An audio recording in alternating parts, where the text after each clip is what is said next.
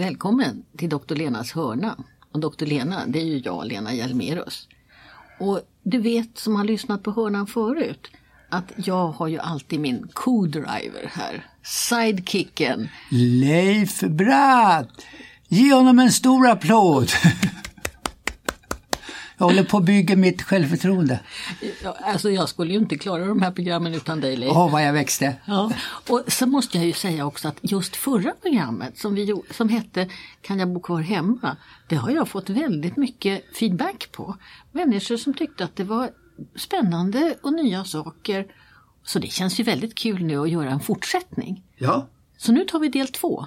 ja. Kan- kan Och vet du vad jag får höra då? Eh?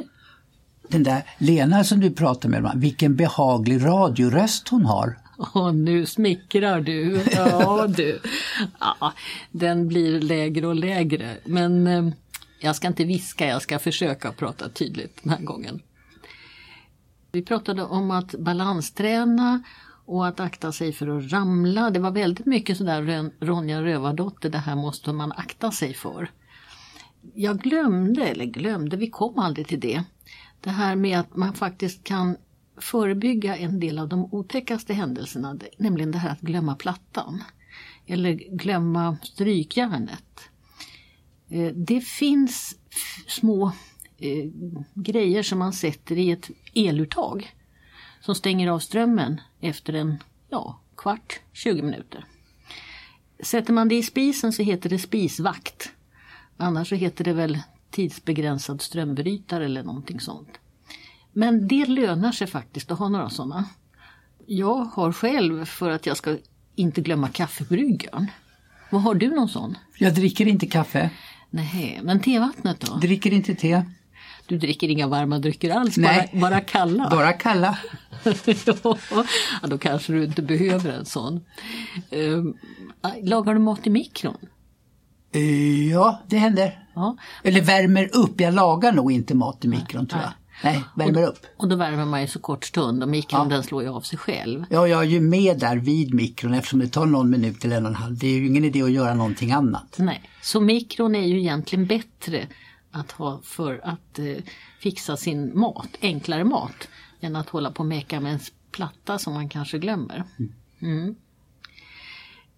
Men det där är ju så svårt att sätta sig in i. Alltså att, alltså, menar du så att jag innan jag blir lite virrig i huvudet borde skaffa de här grejerna? Det Ja. tycker jag.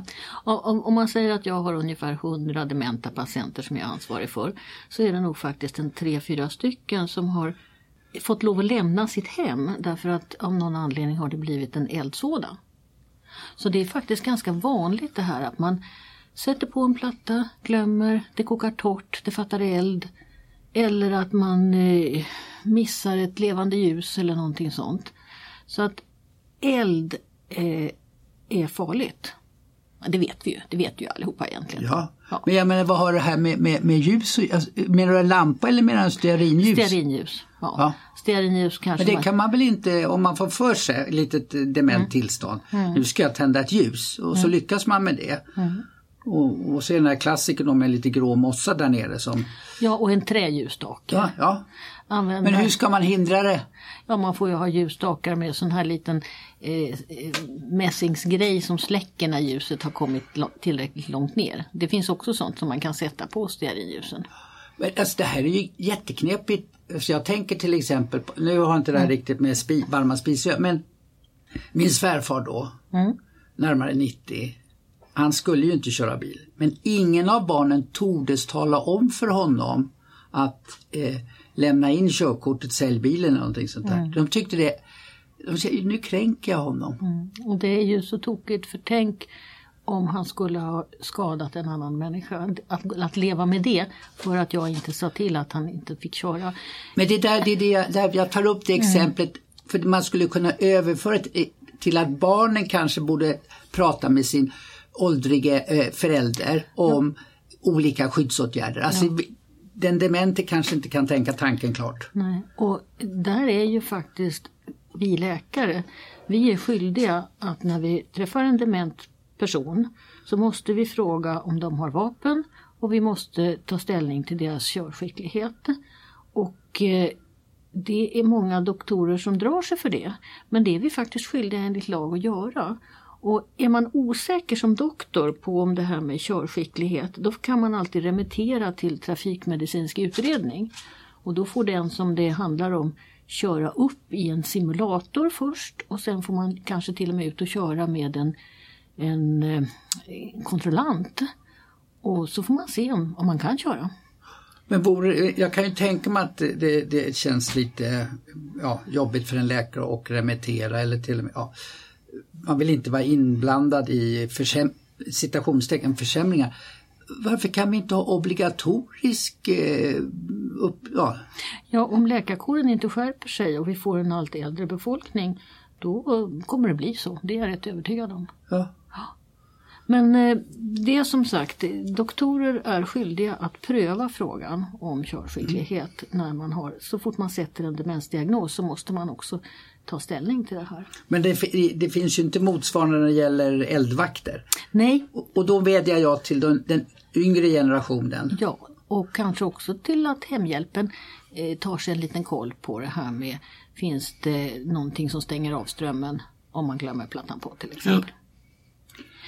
Ja, det, det, det, var det ena som vi glömde av de här sakerna man ska tänka på. En annan sak det är det här, hur tar man sig upp från golvet? Uh, när man är gammal alltså? När man är gammal. Leif, om du tänker på skalbaggar. Hur gör en skalbagge om den hamnar på rygg? Den uh, tar fram mobilen och ringer 112. Nej du. Det gör den inte det? Den sprattlar lite med benen först så att den hamnar på, på andra sidan, eller hur? Jag, jag har bara sett skalbaggar som ligger på rygg och verkar hjälplösa. Ja. Uh, katter då som ramlar ner? Nej men det har jag aldrig sett en Nej. katt som inte kommer upp på benen. Nej, för katter vänder sig alltid direkt.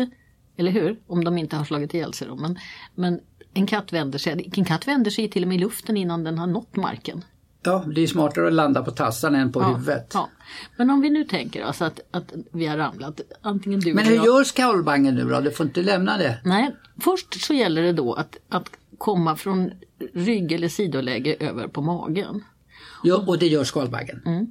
Och sen gäller det att få sina ben inunder sig, det vill säga är vi människor så, och lite omtöcknade så kan det vara bra att ställa sig på alla fyra, det vill säga knästående med händerna i golvet.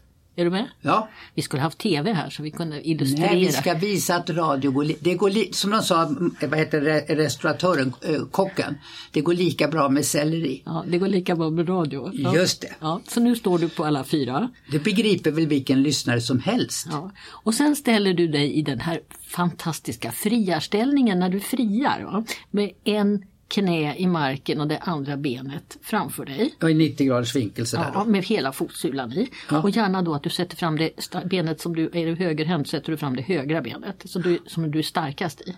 Och sen lägger du dina händer på knät och liksom tar ett ordentligt tag och trycker ifrån.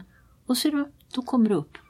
Men det skulle inte vara fiffigt att, liksom kravla sig lite så mot en soffa, stol eller någonting annat Jo. sängkant eller något så man har någonting och, och också för sen om jag kom, väl står upp och är lite vinglig och omtöcknad så kanske jag faller igen. Mm, det har du alldeles rätt i. Men då gäller det att man tar... Kan jag bli läkare tror du?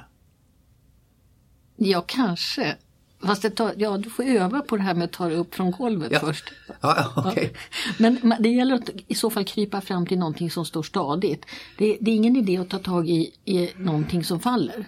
För då, då blir du bara rädd när nästa pryl ramlar över dig. Mm.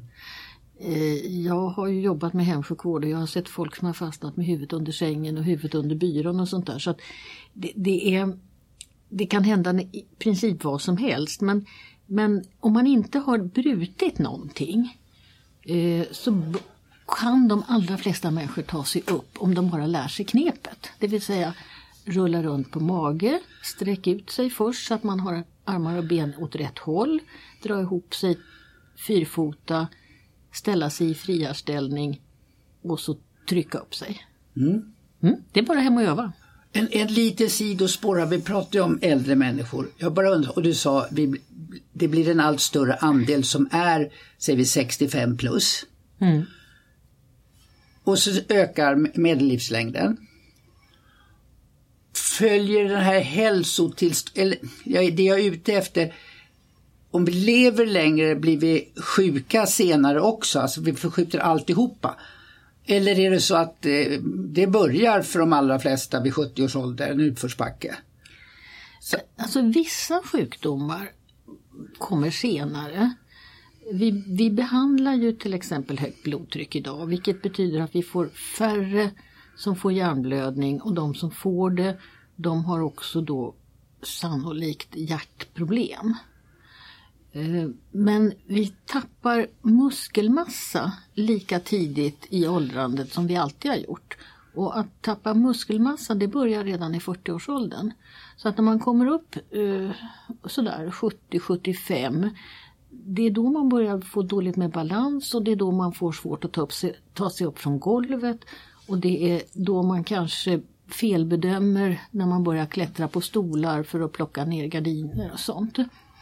Så att det här med fallrisk och nedsatt muskelmassa det har ingenting med sjukdomar att göra egentligen utan det är en del i den tråkiga normala åldrandet. Kan, hjälps det att gå på gym? Ja, det gör det.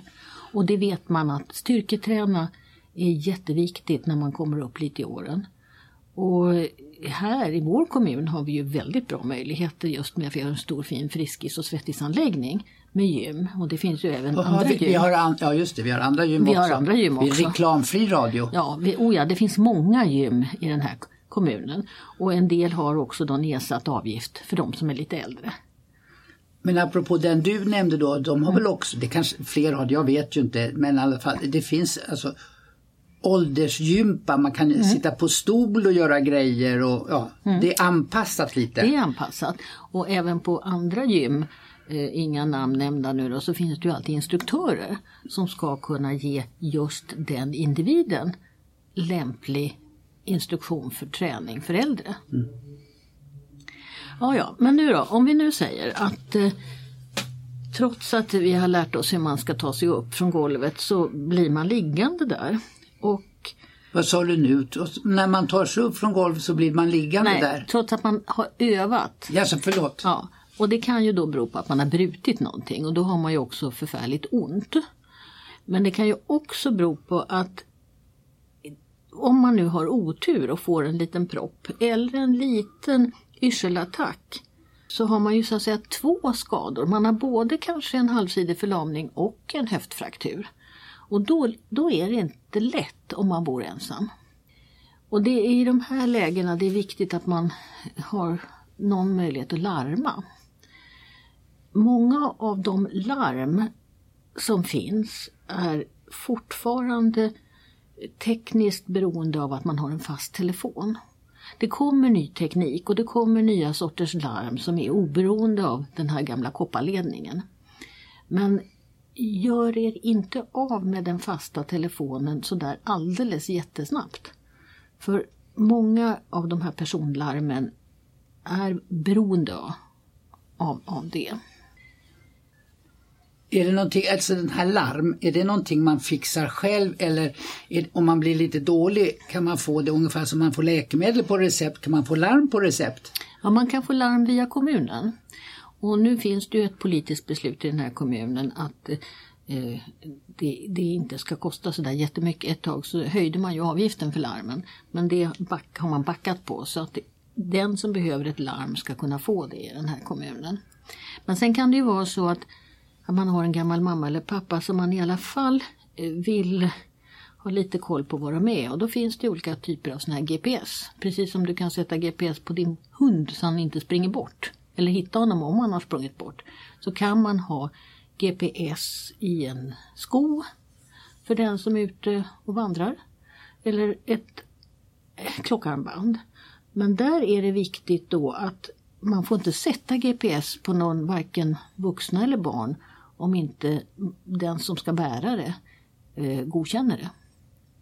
Men det, det, här är ju en sak inom familjen och det kan vara en bra grej ändå att ha någon form av spårbarhet.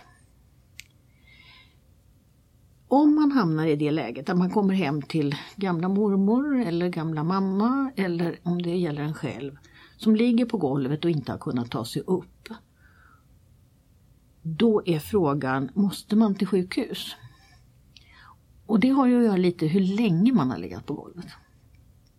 Därför att ligger man mer än ett halvt dygn i samma ställning, då kan man ju utgå från att man har fått lite muskelskador. De där muskelskadorna i sin tur, de kan ge upphov till en njurskada. Musklerna, när de går sönder, så bildar de proteiner som i sin tur då kan skada njurarna. Och då, då, måste man kolla upp det där så att inte man drabbas av någon form av eh, njursvikt efter att ha legat på golvet orörlig. Men alltså det här fordrar ju också att personen som ligger på golvet är man förstår vad man säger och, och, och de kan redogöra för vad som har hänt och så vidare. Jag menar, är det en förvirrad person Ska man inte ta det säkra för osäkra? Jo, då ska man in. Och kanske hellre åka en gång för mycket. För att sådana här saker, det kollas ju då inne på sjukhuset. Eh, har man saltvattenrubbningar, eh, man kanske behöver lite extra vätska och som sagt hur, hur har njurarna tagit det här. Om man då har kommit och hittat någon på golvet, om det är antingen hemtjänst som hittar eller anhöriga som kommer och hittar. Och så ringer man efter ambulans. Då är det ju så att ambulansen kommer att, personalen som tar emot larmet, de kommer att ställa en massa frågor. Och en del av de frågorna kanske man inte kan besvara. Men det är ingen idé att försöka bli irriterad för att eh, de gör, ställer ju de här frågorna för att de ska kunna skicka rätt personal. Och då kommer det ju då en ambulans som är bemannad med åtminstone en ambulanssjuksköterska och en, kanske en som inte är sjuksköterskeutbildad men som ändå kan väldigt mycket om sjuka människor. Och då börjar ambulansen redan sitt, alltså personerna, personalen, ambulanspersonalen, de börjar sitt jobb redan innan de har så att säga lastat in i, i fordonet. Och då gör de sådana här saker som att de mäter blodtrycket och de kanske sätter en nål, för det är lättare att sätta en nål. En nål är alltså en infartskanyl. Det är lättare att sätta en sån medan vederbörande ligger still än att göra det i en skumpande bil. De kanske kopplar ett dropp då om det är någon som är intorkad. De kanske till och med tar ett EKG. Och eh, Sen har de en telefonkontakt inne med akuten så att på akuten vet de Eh, vad det är som är på väg in. Och det här journalför man så alltså, att efteråt så kan man både som patient och som anhöriga se precis klockslaget på minuten. När kom larmet? När kom ambulansen till platsen? Eh, när eh, lastade de in i bilen? När kom de fram till sjukhuset? När lastade de ur på sjukhuset? Och sen gör ambulanspersonalen en speciell rapportering Vet du varför? Nej, jag, jag bara lyssnar. Jo, det är ju så att för att man inte ska glömma någonting när man berättar en sak för nästa så är det viktigt att man har någon slags struktur i det. Så att det finns inne på akutmottagningen ett särskilt system hur man rapporterar över till nästa. Det där har kommit till sen jag gjorde min tjänst inne på akuten så att jag kan inte det där i detalj så att jag kan berätta om det. Jag vet bara att alla gör likadant. Och det är väldigt tryggt för då, då får man med allting. Man får med vad är det som har hänt, vilka eh, anhöriga finns det, vilka mediciner finns det, hur, hur såg det ut på platsen, var det något som hände under transporten in till akutmottagningen. Alla sådana här detaljer kommer med. Även om den som det gäller inte själv kan minnas ens kanske den här transporten. Och anhöriga de möter upp inne på sjukhuset och de vet inte heller hur gick det till i själva transportskedet. Men det, måste, det är ju inte så bara att man ramlar hemma, man kan ju ramla ute på stan också. Jaha. Och, och kan, jag ser ju ibland människor som har sådana här trygghetslarm på sig. Med, med, med modern teknik, jag tänker det är appar hit och appar dit. Om man lider av någonting eller man, behöver viss medicinering. Ja, jag vet, ja. Ens medicinska status, finns det några appar för sånt att skaffa? Ja, nu blir jag lite osäker. Det, det vanligaste är ju att man har någon form av bricka Ja. eller ett kort i plånboken där det står att man till exempel är diabetiker eller att man har en blodförtunnande medicin eller att man har eh, kanske epilepsi. En, en legitimationshandling. Och där är det ju så att både ambulanspersonalen och personalen inne på sjukhuset tittar i den där plånboken. Inte efter pengar utan efter om det finns någonting som gör att man vet vem det är. Det skulle inte vara fiffigt om det fanns något färdigt på ens smartphone. Jo, det man rekommenderar det är att man i sin telefon under bokstäverna I som i Ingvar, C som i Cecilia, E som i Eva, ICE lägger telefonnummer. Och det där är en förkortning för In Case of Emergency och det är en internationell förkortning och där lägger man alltså telefonnummer till närmaste anhörig. Ja. Eller två, tre stycken. För det Eller två, tre stycken och där kan man ju också lägga in namn på vem, vem som är ens närmaste anhörig. Och man kan lägga in att man går på varann eller sådär. Ja, kan man göra. Ja, Eller andra. Ja. ja. Så det, det, det, och den ICE-knappen den kollar också ambulanspersonalen då om, vederbörande har en telefon med sig eller i fickan. Sen inne på akuten så sker det första som sker det är det som kallas för triage. Har du hört det? Nej. Nej. Dränage har jag hört talas Ja. om.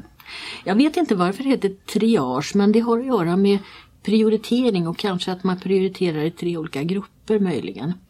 Det är en särskilda sjuksköterskor som är specialutbildade i det här för att kunna avgöra vem ska gå före. För det är ju så att alla som kommer till akuten, det är ingen turordning utan det är hur sjuk är man. Vårdbehovet. Ja. Och de här triagesjuksköterskorna, de är jätteduktiga. Sen så kan den här triageringen, då, den här prioriteringen, den kan göras om vartefter. Och då använder man också standardiserade, precis som man rapporterar standardiserat, man gör triaget standardiserat, man gör det lika för alla. Så bevakar man också alla som kommer in på akuten efter ett särskilt system. Och det heter då på engelska MEVS, M-E-W-S.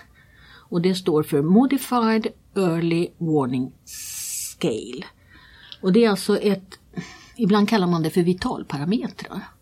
Det bara svåra ord idag Leif. Ja, men alltså vital tror jag. Ja, vital. Det, det är det här. Har man feber? Hur andas man? Är man orolig? Eh, vad har man för blodtryck? Eh, hur är pulsen? Blöder man någonstans? Det är det här som sjuksköterskorna tittar efter. Ja. Men jag då som föredrar kalla drycker, Ja. man vet inte om man är berusad. Alltså man har ramlat för att man är Inte, inte i MEVS. MEVS är, är, men däremot så tas det ju på alla som kommer in på akuten där man har funderingen om det finns eh, något missbruk så tar man ju alkohol i blodet och kollar hur mycket, hur mycket pro, är procenten. Ja. Ja. Så de här triagesköterskorna de slussar också lite till olika kliniker. Det finns speciella akutläkare som jobbar inne på akuten. Man har diskuterat väldigt mycket om det ska vara en egen specialitet och man hade ett tag en utbildning till akutläkare inne på Södersjukhuset. Just hur det är för ögonblicket törs jag inte säga. Det, det har inte blivit sådär jättestort genomslag på det. Men inne på akuten ändå så tas det då prover och det görs röntgen. Och då kan man ju tycka, ska man ligga där nere på en obekväm brits och vänta på de här provsvaren innan man, om man ändå ska stanna på sjukhuset? Men det är just därför att man ska hamna på rätt ställe. Förhoppningsvis att det finns plats på rätt ställe. Nu är det lite svårt med, med att, att, veta sant och falskt. Eh, ja, det är bara alternativa fakta nu för tiden tycks det. Eller om de gör det till en grej också bara för att göra sig spännande tidningar. Men jag, nej, det jag är ute efter det har ju nu i tidningarna den senaste veckan eller veckorna stått om bemanningen i, i somras och det orsakade väldiga förseningar. Det saknades vårdplatser och så vidare. Kan du med gott samvete säga att under normala, om vi bortser från semestertider, vi har tillräckligt med bemanning så att eh, man hinner med de man ska hinna med? Inne på akuten, ja. Sen är det klart att den första halkan kommer, den, den dagen, då är det kö på, på eh, handledsfrakturer på ortopeden. Eh, och då kanske man den dagen ska söka på en närakut istället. Om man nu tror att man har brutit handleden. Det finns, man, man har någon slags kontrollmått på fyra timmars väntetid på akuten. Fyra timmar får man nog räkna med. Och det håller de allra flesta akutmottagningar i Stockholm. Mm. Inte alla dagar, inte jämt. Men för det mesta så klarar man ändå den, den tidsgränsen. Det här kan man se i olika statistiska mätningar för det här måste sjukhusen hela tiden rapportera in. Mm. Och det går att se också, man gör stickprov i journalerna. Jo men samtidigt som du sa, nu upprepar jag det lite grann, men bara för att påminna om att det finns ju också en kö utefter, alltså väntetid. Är man allvarligt skadad och kräver snabb behandling, alltså har man legat väldigt, väldigt länge då, säger vi på golvet hemma, mm. så kom, kommer man kanske en bit upp den där kön. Ja, ja, visst. Ja. Och eh, i och med att vi har det här systemet med triagesjuksköterska och med den här hela tiden bevakningen av MEVS-skalan, de här hur mår den som ligger och väntar, så ska det inte bli som, ibland ser man någon tidningsrapport om att någon dog i väntan på akuten. Men då ska man ha lite källkritik för att det finns nästan alltid då någon annan förklaring till det. Ja, när de här undersökningarna, resultatet har kommit, då kan det ju då bli lite olika utfall. Ett, att man blir skickad hem igen. Man bedömer att det här är inte i behov av sjukhusets resurser. Eller så kanske man får sova över natt på intagsenhet. Och så får man åka hem dagen efter. Det beror ju på lite vad klockan är på natten och om det finns platser på intaget. Men får jag fråga dig då ungefär som med körkortet, alltså en läkare ska säga du ja, remittera till eh, Trafikverket eller vad det nu hette, du förstår vad jag menar. Jag menar. Finns det någon kanal mellan sjukhuset och kommunen? Om det är, alltså de ser att det är en, eh, en människa i behov av omsorg, äldreomsorg, jag menar inte medicinsk vård. Eh, får socialtjänsten något tips från sjukhuset eller det får man fixa själv? Det ska finnas ett ett, eh, ett, det finns ett datasystem men det går igång egentligen först när man är intagen på en avdelning. Det, det ska, tanken var nog att det även skulle kunna fungera direkt från akuten men där, där glappar det nog lite grann tror jag. Och det har att göra med att det är stress och det är konstiga tider på dygnet och det kan vara svårt att få tag på en jourhavande socialtjänsteman. Ja, men om det finns anhöriga med, mm. är, är, det för mycket eh, att de, det ska vara en rutinig grej att den anhörige frågar, är min eh, förälder eller anhöriga, alltså den som har skadats, är den i behov av någon äldreomsorg från kommunens sida? Mm. Och då säger man nog på sjukhuset att vi kommer att se till att de... Jo men då, då har man i alla fall, jag bara menar att det ska vara en rutinfråga ja. mm. från de anhöriga. Ja, anhöriga har en viktig roll att fylla här inne på akuten. Ja, ska säga, lite försvarsadvokat för den som är sjuk.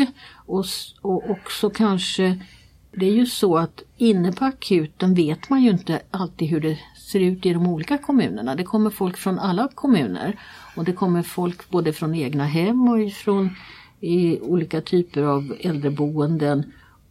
Och det, det, är, det är för mycket att begära att man inne på akuten ska veta hur det ser ut på alla ställen. Om det är, hur det är bemannat och hur det...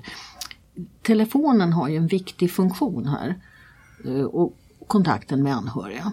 Men anhöriga kan inte säga nej, ni får inte skicka hem mamma. Det är klart att man kan ta en diskussion och man kan liksom ha argument varför går det inte att skicka hem. Men det är nog ändå så att det är sjukhusets personal som bestämmer om den sjuke behöver sjukhusets resurser eller inte. Ja, men kan man vända på, på kuttingen och säga så här, om det inte finns eh, alltså, medicinska åtgärder man kan sätta in, eh, då har ju sjukhuset ingen uppgift att fylla. Och då får man ju lösa problematiken på något annat sätt. Ja, visst. Mm. Så att men, sjukhuset utgår ifrån, kan vi göra någonting och det, alltså det finns medicinska behov som vi kan göra någonting åt, då tar man självklart hand om personen i fråga. Finns det inte medicinska behov, alltså sjukhusåtgärder, mm. då, då får man åka hem.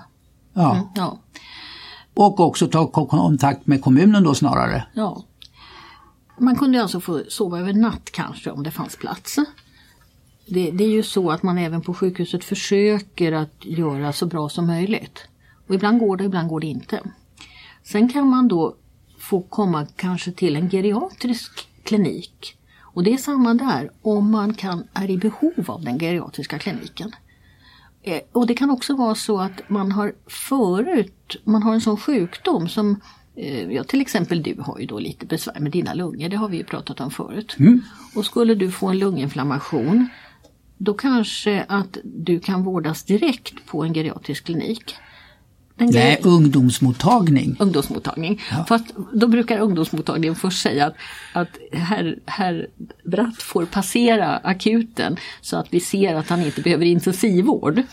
Och sen får du komma till Handels geriatriska klinik för där är du känd sedan tidigare. Jaha. Ja visst, och där känner du att de snälla trevliga sjuksköterskorna, så du tycker att det är ganska okej. Ja. Men du får kanske passera eh, inne på akuten först.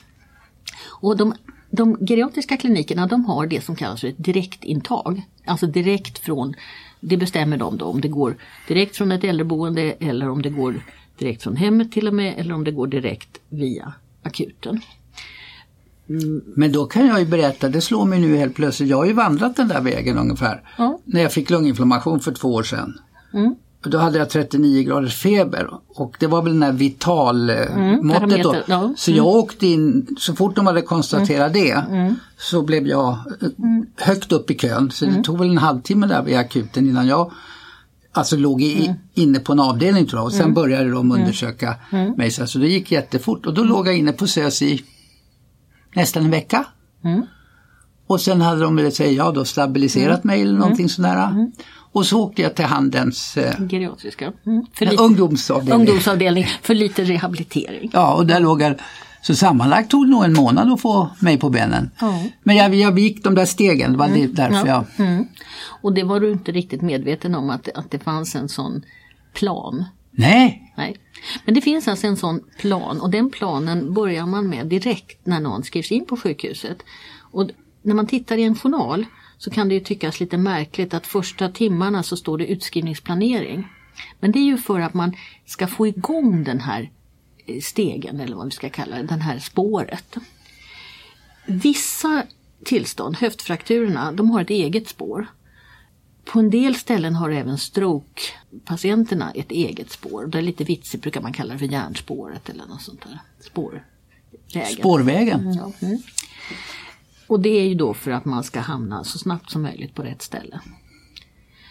Sen ska man ju inte vara kvar i onödan på sjukhuset av ett annat skäl också och det är att det finns så väldigt mycket läskiga bakterier på sjukhuset. Så att det är många som ådrar sig komplikationer just av den här miljön. Gamla människor är sköra och man ska tänka sig för lite granna.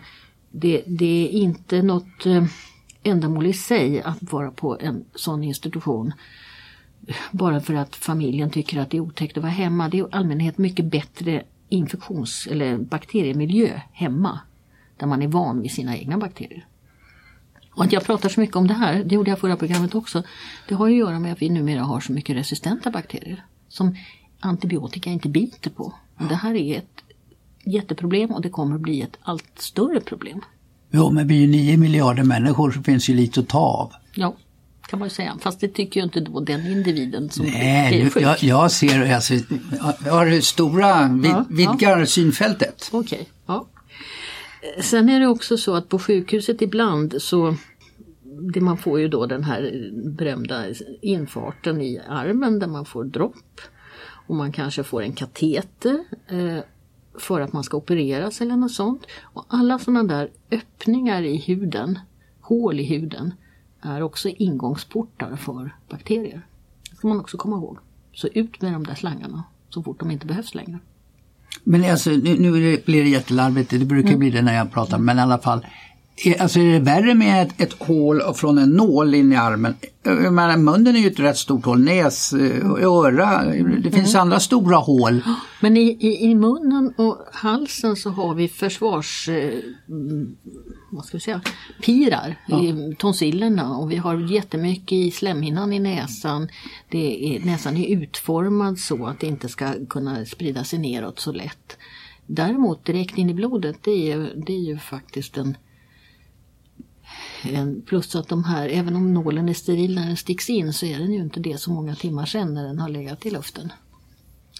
Och som sagt, miljön inne på ett sjukhus skiljer sig ju från det man, det man har hemma runt omkring sig. Ja, sen med, med lite tur nu då så har man hamnat på rätt klinik. Och är det så att det är fullt på ens klinik då kan det att man, hända att man får något som heter satellitplats.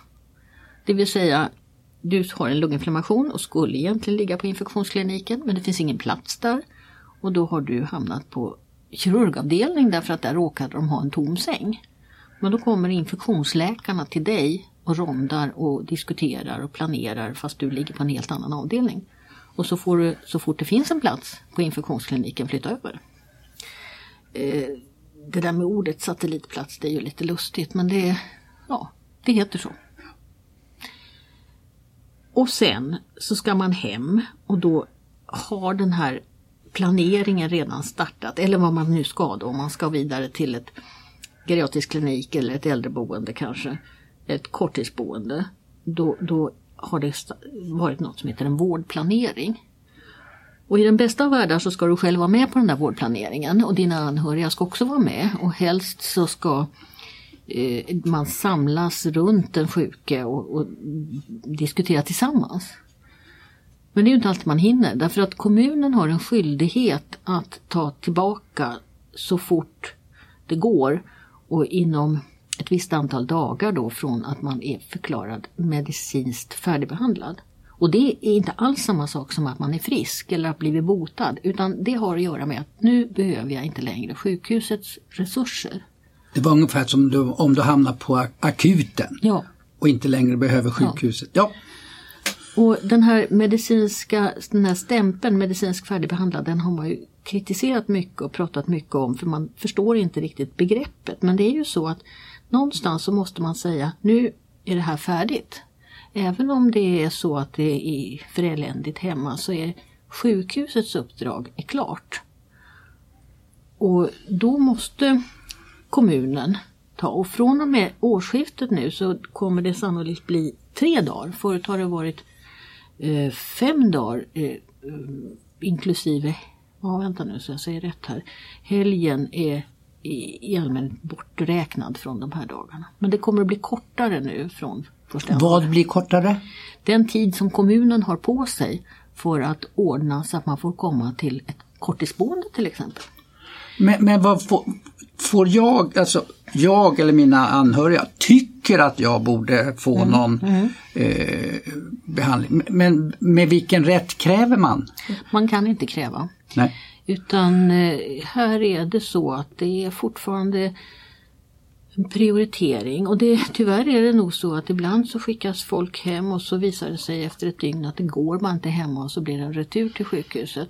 Och då har man rätt att komma tillbaka direkt till den avdelning där man låg på förut för då har det alltså begåtts en felbedömning.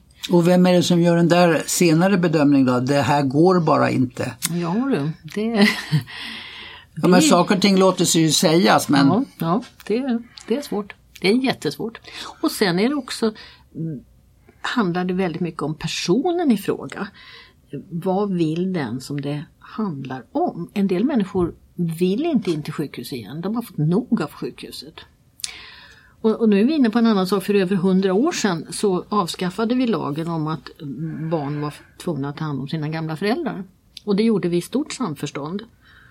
Men man behöver inte gå längre än till våra grannländer så finns det fortfarande en skyldighet för vuxna barn att ta hand om sina föräldrar. Men vi har inte det i Sverige. Det, har vi, det avskaffade vi vid sekelskiftet 1800-1900. Och eh, det är väl lite på gott och ont, kanske.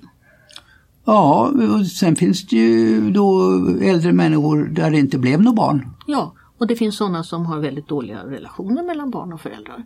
Och där det inte heller är särskilt lämpligt att tvinga någon att... Men vet du vad? Mm. Den här, eh, alltså, mor, vad folk kallar den moraliska frågan då. Mm. Um, eh, vad ska de göra som inte har barn? Vad ska de göra som har en taskig relation? Eh, vad, eh, det kan ju vara bara så att eh, nej, jag vill inte ligga mina barn till last. Mm. Eh, eller barnen. Ja. Mm. Det, alltså, vad är skyldighet och vad är plikt och vad, är, vad kan den ja. äldre begära och så vidare. Det tarvar ju nästan ett helt program. Ja, och framförallt dåligt samvete. Eh, man tycker om, många människor tycker ju väldigt mycket om varandra och lider av att se någon annan lida. Och så får vi då kanske ursinniga tidningsartiklar eh, där man upplever att man har blivit illa behandlad. Men nu är det så, vi har begränsade resurser. Det finns väldigt tydligt regelverk för sjukvården. Vad är sjukvårdens uppgift? Vad är kommunens uppgift? Och eh, ibland så får man sätta sig ner och fundera lite. Men Leif, nu drar vi över tiden här. Ja, men vi har ju så mycket intressanta saker att säga så det gör väl ingenting. ja, det här är ju frågor som berör alla, inte bara de äldre utan det här berör ju de som har gamla föräldrar och det berör de som har en älskad äldre, äldre generation, alltså ja. barnbarn mm. som också kanske tycker att sjukvården är väldigt eh, fyrkantig ibland. Mm. Mm. Vi tackar för idag. Tack själv. Ja. Du så... bidrar i alla fall med visdomen så jag har ju anledning att tacka. det, det, skulle inte gå att göra programmen utan dig tror jag. Hörru, vi mm. hörs igen. Det gör vi. Hej då.